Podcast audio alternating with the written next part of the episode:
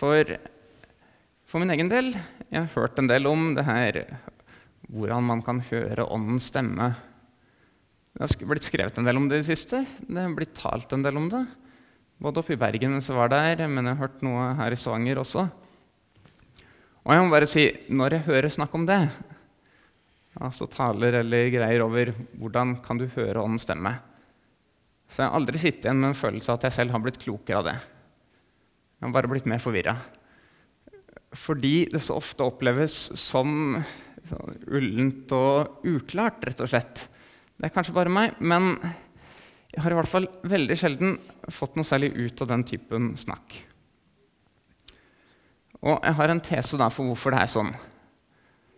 Og den tesen er at jeg tror at vi åndeliggjør Ånden når vi snakker om å høre Åndens stemme. Vi åndeliggjør Ånden når vi snakker om å høre Åndens stemme. For forventningen, som i hvert fall jeg får ganske intuitivt når jeg hører det, hvordan kan man høre Åndens stemme? Det er at man får et eller annet bilde nedi hodet, eller at man hører en stemme inn i hodet. Eller at man får en eller annen sånn klar visshet for et eller annet at man skal gjøre. Eller til og med helt i andre enden at man hører en stemme så konkret som jeg taler til dere nå. Og så gjelder det liksom å finne ut om det her er åndens tale. Om nå dette her er ånden som snakker til deg. Og så driver vi og leser i Bibelen. da. Vi leser i apostelgjerningene om at ånden leder dit og dit, og leser om Paulus. Dra dit, ikke dra dit. Da leser vi kanskje om Hans Nilsen Hauge og fortellingen om han som går ut på jordet og pløyer og synger på å være Jesus din søtt forening og smake. Så plutselig opplever han at ånden kommer over ham kaller ham, taler til ham. Så leser vi en del forfattere i dag eh, som ganske åpent kan si at ja, Den hellige ånd sa til meg. Altså, og noen gjør det veldig ydmykt, og det syns jeg er bra. Noen sier at jeg opplevde eller følte at ånden talte til meg, eller ånden sa til meg at jeg skulle gjøre ditt eller datt. Også noen, kanskje fra andre kretser enn NLM i Norge, men Likevel, det fins de som nærmest som en gammeltestamentlig profet eller en apostel slår fast at Herren Gud sa til meg. Han skriver i store bokstaver, og budskapet var gå dit, dra dit, gjør dette. Når jeg møter det, jeg kan ikke fatte hvordan de kan gjøre det. Det virker så enormt overmodig på meg. Men likevel, da. Det fins. Og så litt i motsatt ende av det her, så står det Det er vårt utgangspunkt på mange måter. Altså de bekjennelsesskriftene som vi holder oss til som lutheranere. F.eks. i artikkel 5 i Den augsburgske bekjennelse. Fryktelige ord. En grunn til at teologer taler latin og sier 'confessia augustana'. Flyter mye bedre. Men der snakkes det om hvordan ånden skaper tro. Skulle jeg gjerne hatt det opp, men det har jeg glemt, så dere får bare henge med for meg som leser. For at vi skal komme til denne tro, altså den troen som frelser, er det innstiftet en tjeneste med å lære evangeliet og meddele sakramentene. For ved ordet og sakramentene som midler blir Den hellige ånd gitt. Han som virker troen hvor og når Gud vil, i dem som hører evangeliet. Nemlig at Gud, ikke for våre fortjenesters skyld, men for Kristi skyld, rettferdiggjør dem som tror at de blir tatt i nåde for Kristi skyld. De fordømmer gjendøperne og andre som mener at Den hellige ånd kommer til menneskene uten det ytre ordet, ved deres egne forberedelser og gjerninger. Og så enda tydeligere Luther i et skrift som heter De smalkaldiske artikler. Det er ikke et av bekjennelsesskriftene våre, men viser litt av forståelsesrammen. da. Han sier rett ut man må holde fast på at Gud ikke gir noen sin ånd og nåde uten gjennom eller sammen med det ordet som går foran. Og enda klarere Derfor skal og må vi holde fast på at Gud ikke vil ha noe med oss mennesker å gjøre på en annen måte enn ved sitt ord og sakrament. Det er ganske klart tale. Det slår jeg fast. Ikke på noen annen måte enn gjennom det ytre talte ordet, gjennom konkrete og fysiske sakramenter. Og jeg tar det fram fordi jeg vil ha det fast, og la det stå fast da, at det her er den generelle regelen. Rett og slett at Ånden taler gjennom midler. Og Først og fremst så gjelder det for den sammenhengen bekjennelsesskriftene snakker om. Det er en spesiell sammenheng, og det er hvordan Ånden taler til frelse. Hvordan Ånden taler evangeliet for at mennesker skal komme til tro.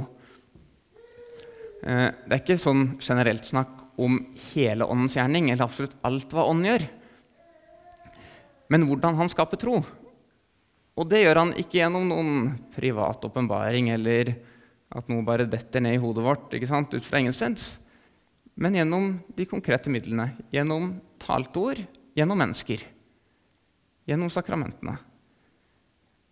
Ja, for når evangeliet forkynnes, når du får høre det der, at Kristus er død for deg og oppreist til din rettferdiggjørelse, da er det Gud selv som taler. Når du hører det, da er det Gud som tiltaler deg med det ordet. I dåpen er det Gud som handler, gjennom mennesker.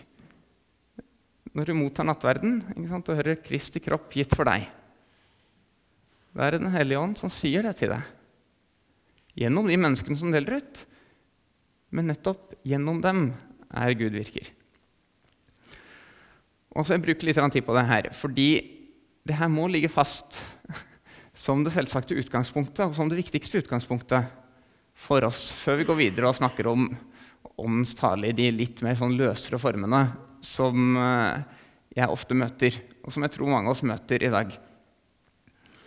Eh, for det her gjelder ikke bare dette hvordan skape tro i oss til å begynne med, men det gjelder også for oss her og nå hvordan Gud opprettholder troen. Hvis vi skal fortsette å tro, så nytter det ikke at vi bare går rundt og nærmest gjør ingenting og forventer at ja, ja, jeg er jo kristen, jeg har jo Ånden. Derfor kommer jeg til å fortsette å tro hele livet. Nei, vi går jo til kirka. Vi går og hører ordet forkynt. Vi deltar i nattverden. Og det er nettopp fordi det er gjennom det at Gud opprettholder den troa i oss også. Sånn at vi ikke mister den, men hele veien får ny næring og får lov til å fortsette å tro på Jesus, sånn som vi først begynte å gjøre en gang. Det er den viktigste og primære måten ånden taler på. Og jeg tror at vi trår feil om vi enten i teori eller praksis blir mer opptatt av en annen måte, en annen åndens tale enn det her. Det er kanskje et kjedelig og standard luthersk svar på hele pakka, men jeg syns det er så befriende og så enkelt og deilig fordi det gir oss et sted å gå til. ikke sant? Vi kan høre det med våre egne sanser. Vi kan se og smake og føle det med sansene våre. Vi må ikke lure på om et innfall eller en tanke eller noe sånt var ånden der. Men vi kan vite at når vi hører evangeliet, da, så er ånden med. Det er ånden der. Og da har han lovet at han vil virke noe i oss. Men det her temaet også, da, med at ånden taler gjennom midler, det kan utvides. Jeg skal ta det kort.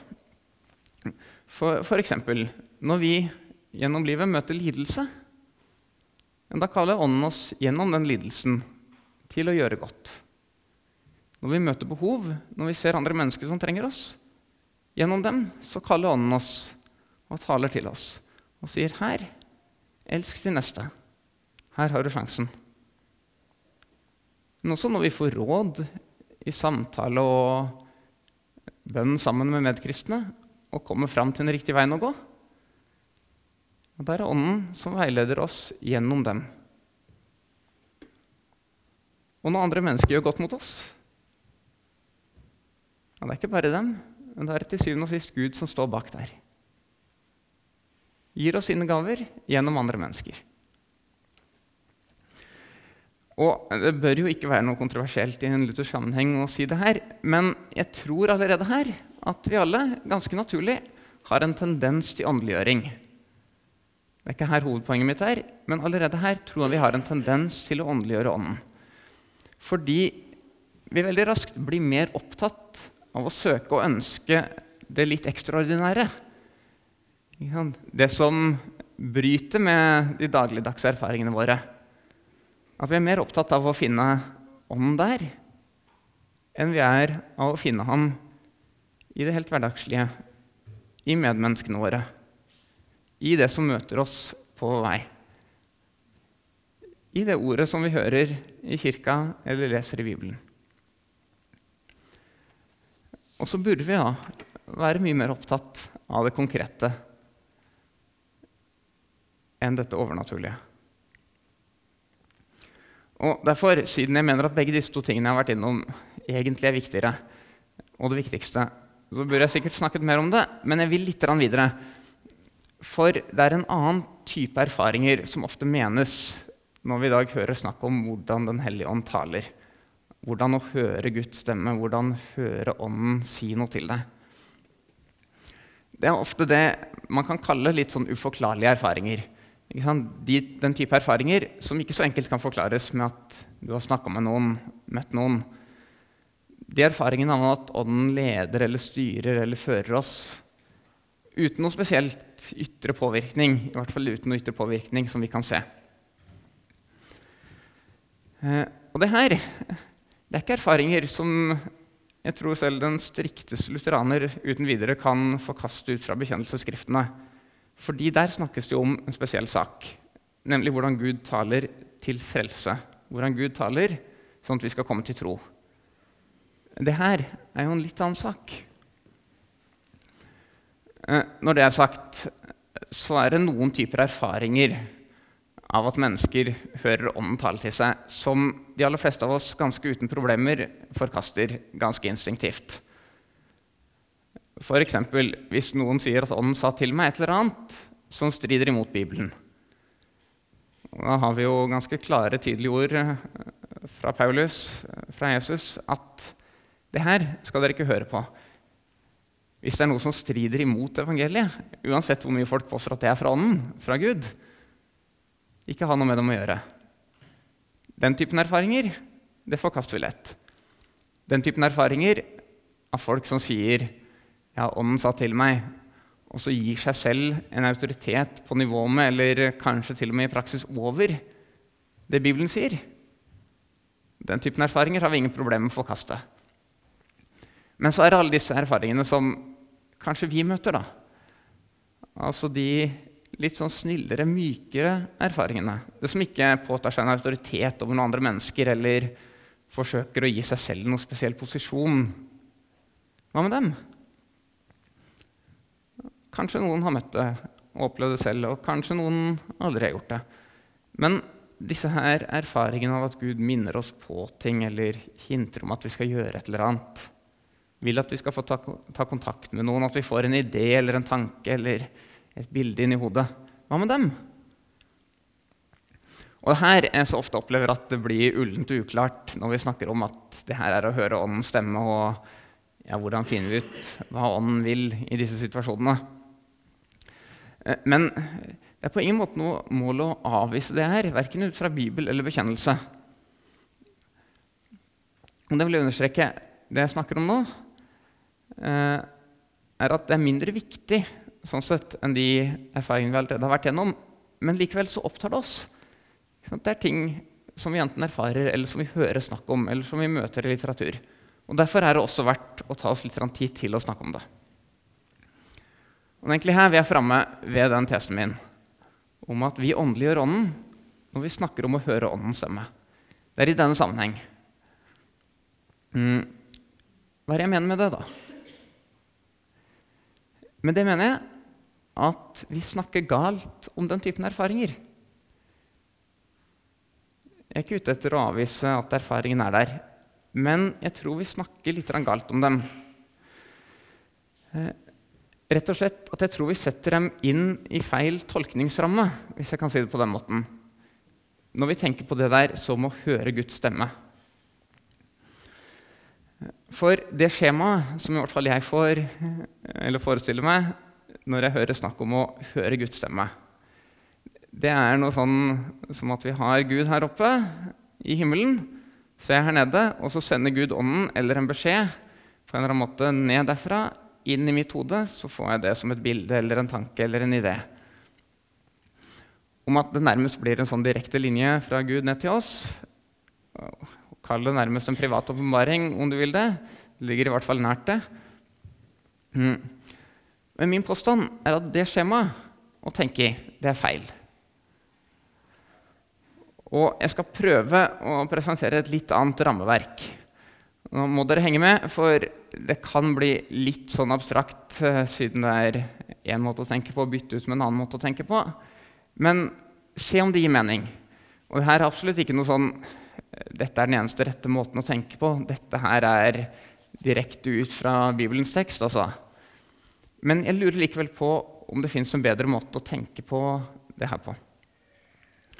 For jeg tror den rette fortolkningsrammen for alle sånne opplevelser, det vi har problemer med å sette konkrete ord på, ikke er noe sånt skjema at Gud taler ned til oss opp fra himmelen, men rett og slett kan samles i et enkelt ord, nemlig helliggjørelsen.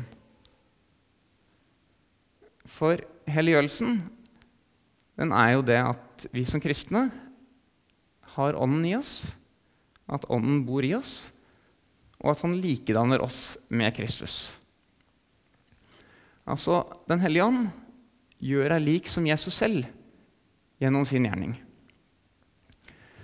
Så rammen vi skal tenke på disse, den typen litt sånn uforklarlige erfaringer og opplevelser i, tror jeg er Kristus i oss, ikke Gud der oppe, som taler ned. Og jeg mener ikke med det at eh, vi har Ånden som en liten bit av oss, eller at Ånden bor oppi her og taler inn til oss eller gir oss en innskytelse nå i ny og ne. Men jeg mener at som helliggjorte kristne, som kristne, så bor Ånden i oss fullt og helt gjennom og i hele deg. Altså at han forvandler hele deg, gjennomtrenger deg, og gjør hele deg med lik Kristus dag for dag. Poenget er altså ikke når man snakker om Kristus i deg Som Paulus Jeg lever ikke lenger selv, men Kristus lever i meg. Det er ikke at Kristus lever som en liten bit av deg. Nei, han lever i hele deg som hele deg. Og det er det man kaller det nye mennesket. Den nye skapningen som vi kristne er blitt. Det er hele deg, med kropp og sjel, tanke og sinn, ånd og alt du er. Så akkurat på samme måte som det gamle mennesket, det som er av synd, død og elendighet i oss, det er hele deg, det også det er ikke reservert til en liten bit av deg. altså Det gamle mennesket. Det er ikke bare kroppen din, det er ikke bare sjelen din. Det er ikke bare tanker eller bare lyster. Det er gjennom hele deg.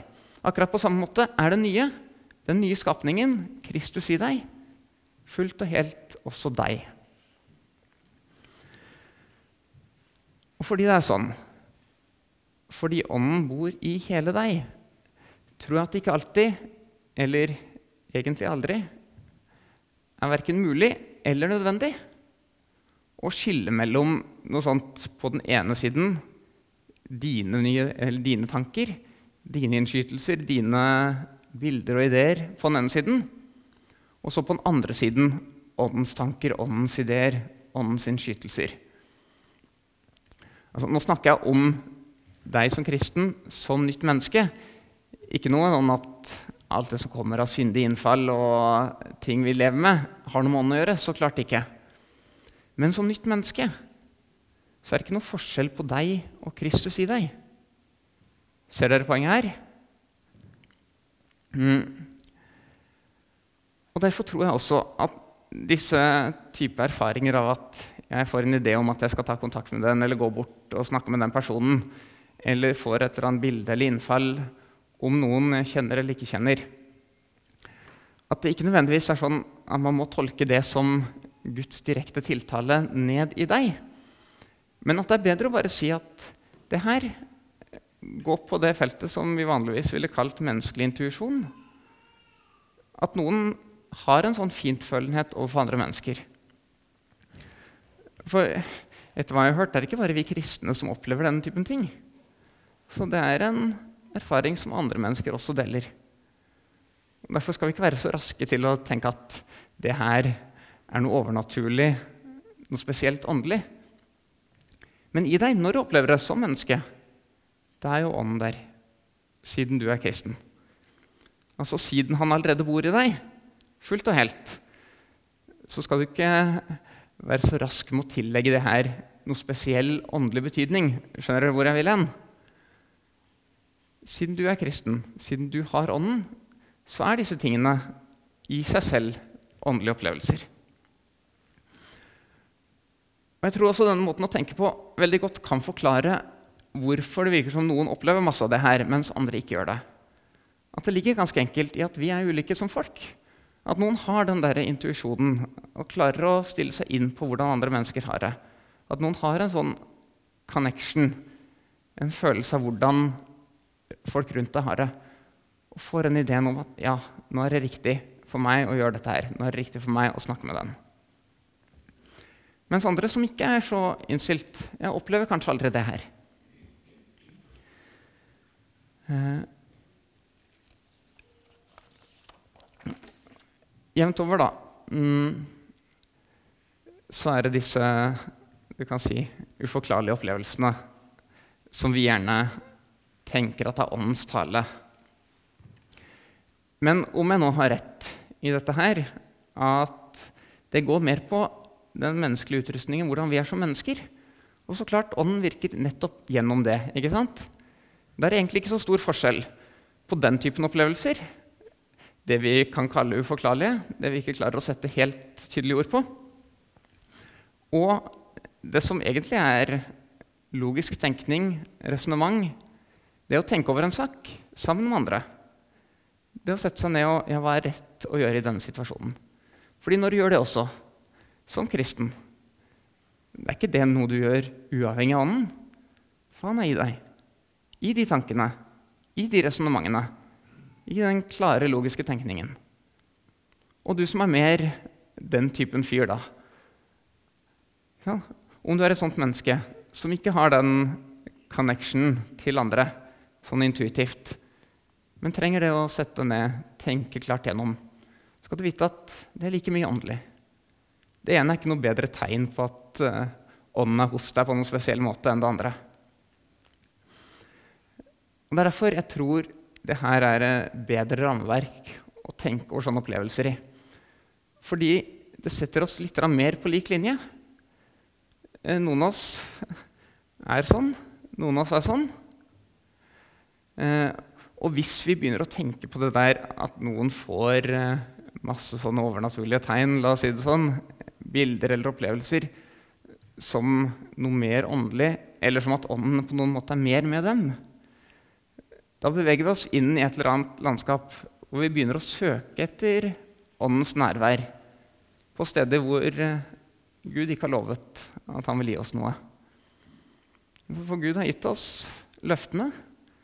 Han har gitt oss korset, og han sier når vi tror på Jesus, så gir han oss alt det han har å gi.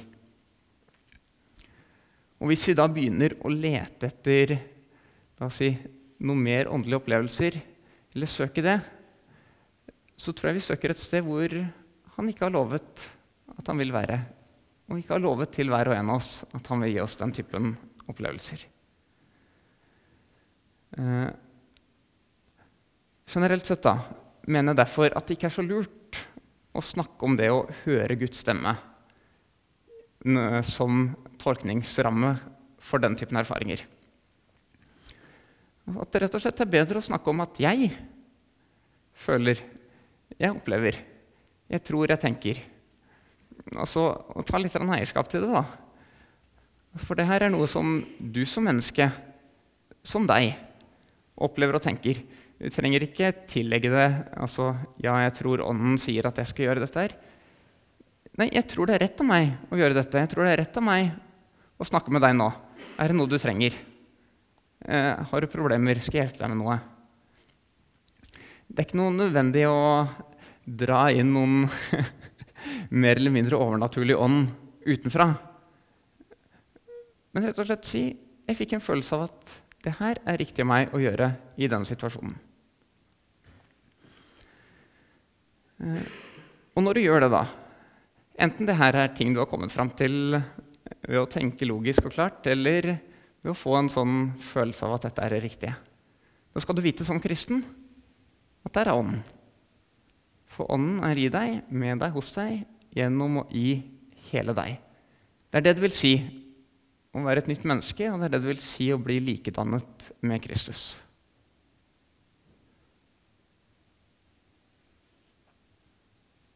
Ok. Til nå har jeg snakket om to ganske ulike ting som vi begge kan kalle åndens tale. På den ene siden denne talen til frelse, på den andre siden disse ganske flytende erfaringene, kanskje. Mm. Men jeg føler meg litt forplikta til å ta med en tredje. Det skal bli kort. Eh, for vi har jo tross alt tekster fra åpenbaringen, og det har jeg ikke vært innom overhodet til nå. Men der virker det som det er en tredje måte ånden taler. Mm. For som jeg nevnte, det går som et sånt omkved etter brevene. Eh, at den som har ører, hør hva Ånden sier til menighetene. Og La oss nå lese det. Jeg får det ikke opp på skjermen, men la oss lese det som står etter hvert enkelt brev, hvor den formuleringen kommer igjen. Mm, de som har Bibelen, må gjerne følge med. Den som har ører, hør hva Ånden sier til menighetene. Den som seirer, vil jeg la spise av livets tre, som er i Guds paradis. Og til Smyrna. Den som har ører, hør hva Ånden sier til menighetene. Den som seirer, skal ikke rammes av den annen død. Og til Pergamon. Den som har ører, hør hva Ånden sier til menighetene. Den som seirer, vil jeg gi av den skjulte manna. Og jeg vil gi ham en hvit stein, og på steinen er det skrevet et nytt navn som ingen kjenner, uten den som får det. Til Tiatira. Den som seirer og holder seg til mine gjerninger helt til det siste, skal jeg gi makt over folkene. Han skal styre dem med jernstav, som leirkar blir knust. Den samme makt har jeg fått av min far, og jeg vil gi ham morgenstjernen. Den som har ører, hør hva Ånden sier til menighetene. Og til Sardes. Den som seirer, skal bli kledd i hvitt og jeg vil aldri stryke navnet hans ut av livets bok, men kjennes ved navnet hans for min far og hans engler. Den som har ører, hør hva Ånden sier til menighetene. Til Philadelphia. Den som seirer, vil jeg gjøre til en søyle i min Guds tempel, og aldri mer skal han forlate det. Jeg vil skrive min Guds navn på ham sammen med navnet på min Guds by det nye Jerusalem som kommer ned fra himmelen, fra min Gud. Og også mitt nye navn. Den som har ører, hør hva Ånden sier til menighetene. Og så til Laudikea. Den som seirer, vil jeg la sitte sammen med meg på min trone, slik jeg selv har seiret og satt meg med min far på hans trone. Den som har ører, hør hva Ånden sier til menighetene.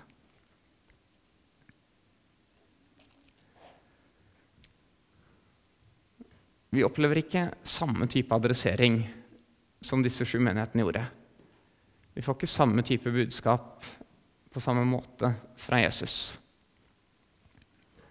Men disse brevene er kommet med i Bibelen av en grunn. Det er ikke tilfeldig at de ble satt der. Det var ikke ment bare som en sånn midlertidig ting til de sju menighetene. Men de har fått sin plass her fordi de også gjelder oss. Og når Misjonssalen nå tar opp brevene, har en taleserie over dem, akkurat sånn som dere gjør nå, så er det rett og slett ikke noe annerledes enn akkurat sånn som de er tenkt å brukes. For når vi gjør det, altså når vi tar opp disse brevene og anvender dem på vår kirke her, på vår situasjon, ja, da får Ånden talt gjennom det. Akkurat sånn som han har tenkt. Og den måten ånden taler på, tror jeg best kan kalles den profetiske. Da mener jeg ikke profeti, akkurat som i Det gamle testamentet, men overraskende likt likevel. Fordi når det kommer en forkynner som bruker disse brevene, sier det her ligner på situasjonen vi har i dag, klarer å se parallellen og klarer å anvende bibelordet på situasjonen i dag, ja, da taler han profetisk.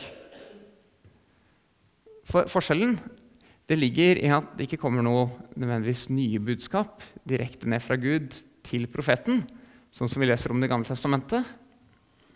Og den som taler profetisk, har ikke samme autoritet i seg selv som de forfatterne bak bibelskriftene våre.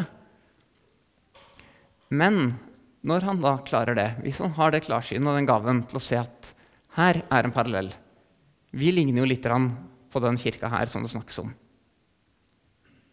Og klarer å si noe om vår situasjon ut fra det ordet i Bibelen. Da er det profetisk tale så god som noen. For Hvis man faktisk leser de gamle testamentlige profetene, da, hva er det de driver med? Det er for det meste kritikk. Det er kritikk av det religiøse systemet, og det er kritikk av samfunnet. Og hvis man da bruker Bibelens ord på samme måte til å påpeke ting, til å kritisere vår praksis, til å kritisere ting vi holder på med, som kanskje ikke er rett. Da taler man like profetisk som noen gammeltestamentlig profet kunne gjøre. Og det kan jo både glede og det kan smerte. Avhengig av hva som sies, og avhengig av hvordan det treffer oss. Men spesielt da, når det smerter. Da skal vi bite oss merke i det Jesus sier til hver enkelt menighet. Det var derfor vi leste gjennom alle sju avslutninger. For de knytta sammen med det her, hør hva Ånden sier til menighetene, står det konsekvent noe den som seirer. Den som seirer. Og det går igjen i dem alle. ikke sant? Den som seirer, skal bli kledd i hvitt. Den som seirer, skal få sitte på min trone. Og det er så fint, altså. For det kan ikke sies tydeligere, egentlig. Poenget med det her, poenget med åndens tale, og poenget med at Jesus taler så strengt til disse menighetene, og dermed også potensielt tale strengt til oss. Det er ikke bare at han ønsker å kritisere oss av ingen grunn, men han ønsker å drive oss fram til seier. Ikke sant? Han vil at vi skal seire. Som menighet, hver enkelt. Og Dermed vet vi at selv om det her kan smerte, så tjener det til syvende og sist til det gode fordi målet er så godt.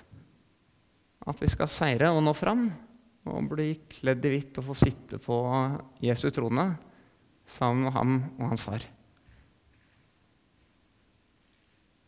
La oss be. Eh, God Herre, må du nå tale til oss gjennom de talene som skal være her utover høsten. Og også la forkynnerne tørre å refse og være kritiske når det er nødvendig. Vi ber om at vi skal ta den kritikken og den refsen som vi skulle få til oss, sånn at vi kan seire og nå fram. Vi ber Herre om at du skal la oss komme dit hvor vi får spise av livets tre og bli kledd i hvitt. Og få sitte på din trone med deg. Amen.